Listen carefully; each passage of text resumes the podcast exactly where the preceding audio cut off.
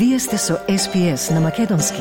Слушнете повеќе прилози на sps.com.au козацрта на Седонин. На SBS Одио со вас е Маргарита Василева. Пред читателската публика во македонската заедница во Австралија беа промовирани уште две пишани дела од македонски автори. Станува збор за книгите Поетски мозаик од Гордана Димовска и Расчеречени души македонски од Нови Младеновски и двајцата членови на литературното друштво Кочорацин од Мелбурн. Васе Коцев присуствуваше и на оваа промоција која како настан се почесто станува експозицијско гнездо за македонската литературна заедница. SBS. SBS. SBS. SBS. SBS. SBS. SBS Radio. Љубителите на пишаниот збор на македонски јазик во Австралија се побогати за уште две нови дела од македонски локални поети во Австралија. Тоа се делата на нам добро познатите македонски автори во Австралија, Гордана Димовска и Нове Младеновски од Мелбурн. Промотор на книгата Поетски мозаик од Гордана Димовска беше Дона Димовски Кантаровски, која истакна дека новата збирка поезија содржи 31 песна со различна тематика, но пред се преовладува родолюбивата поезија, а во кои песни Гордана Димовска дефинира што е поезијата со уникатен мозаик од стихови. Во поетски мозаик се дуват множно стихови посветени за вечната борба на македонците низ минатите векови. Сите песни се поетски записи на Гордана, која во закрила на мигот исполнет со дневните настани за непризнавањето, за името македонско, за јазикот и ред други актуелности. Ја предизвикувале да го дигне својот глас. За неа не би постоел светот ако не постои македонскиот јазик. Македонецот и секако Македонија. Поетесата Гордана Димовска посветила и доста стихови со нагласена лиричност, дескриптивност, емотивност и за убавините на својот роден крај, посебно Битола и Пелистер, кој се вечен запис о незината душа. Во песните и стиховите на Гордана Димовска нема песни со нагласен и рационализам. Напротив, во сите блика еден издашен извор на љубов, желби посакувања да се забележи и одбележи пулсирањето на возбуденоста за својата земја Македонија. Ова книга околу себе, благодарение на даровитата Гордана Димовска, ќе створи една видлива аура, еден нагласен релјеф на интересираноста за идните читатели, любители на поезијата. Токму поетски мозаик, изграден од бесценети шаренолики камчиња, зборови и стихови, ќе биде основа за едно убаво патување, за прекрасно сонување на убавините со кои не почести поетесата Гордана Димовска. Авторката на поетски мозаик, Гордана Димовска, која досега има објавено седум дела, откако им се заблагодари за присуството на присутните, истакна дека пишувањето е неизина духовна храна и дека ќе продолжи да пишува и понатаму, но и да ја поттикнуваат јавноста преку литературното друштво Кочо Рацин повеќе да го почитуваат пишаниот збор.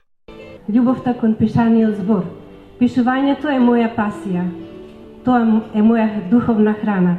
Јас ако нешто не напишам, не можам да живеам. Значи тоа сум јас. Јас пишувам, создавам. Создавам стихови, создавам приказни, легенди, од се. Значи во секој стил и го сакам пишувањето.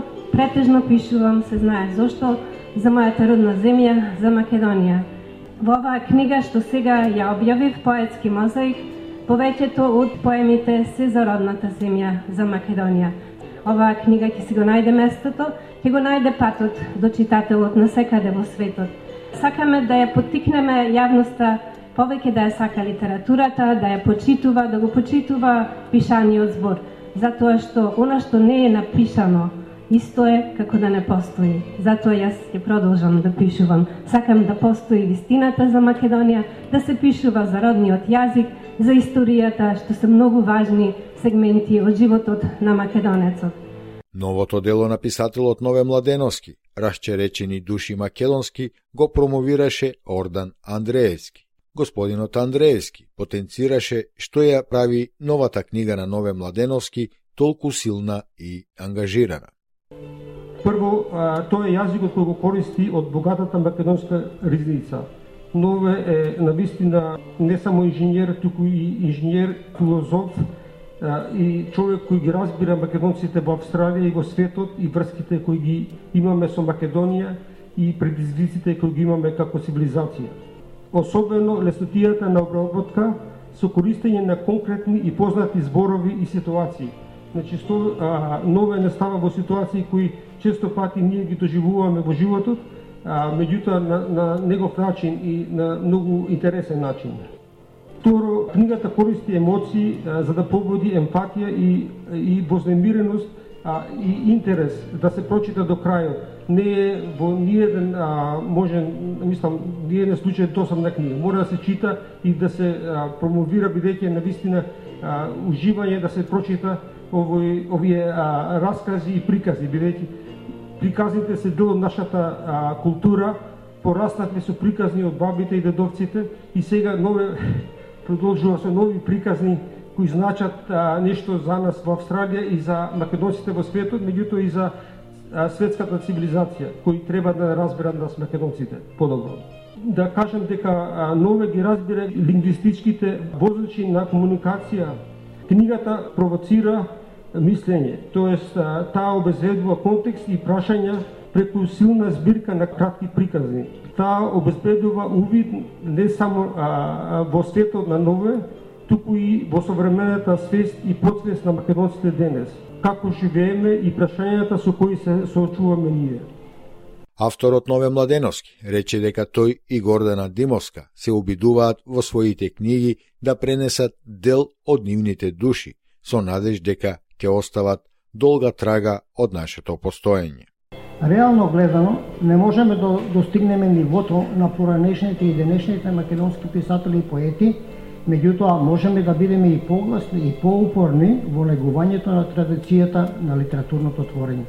Во таа смисла, и лично и преку нашево литературно друштво правиме колку можеме. Вашето присуство зборува дека сме на добар пат.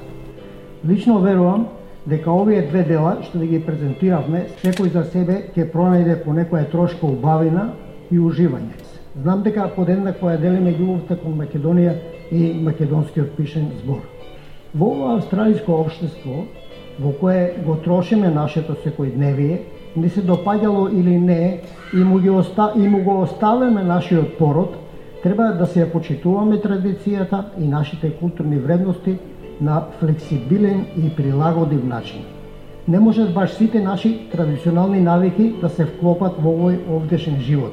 Гостин на промоцијата беше и председателот на литературното друштво Ванчо Николески од Квимбијан, Наум Трајчески, кој изрази задоволство за присуството и соработката меѓу двете друштва.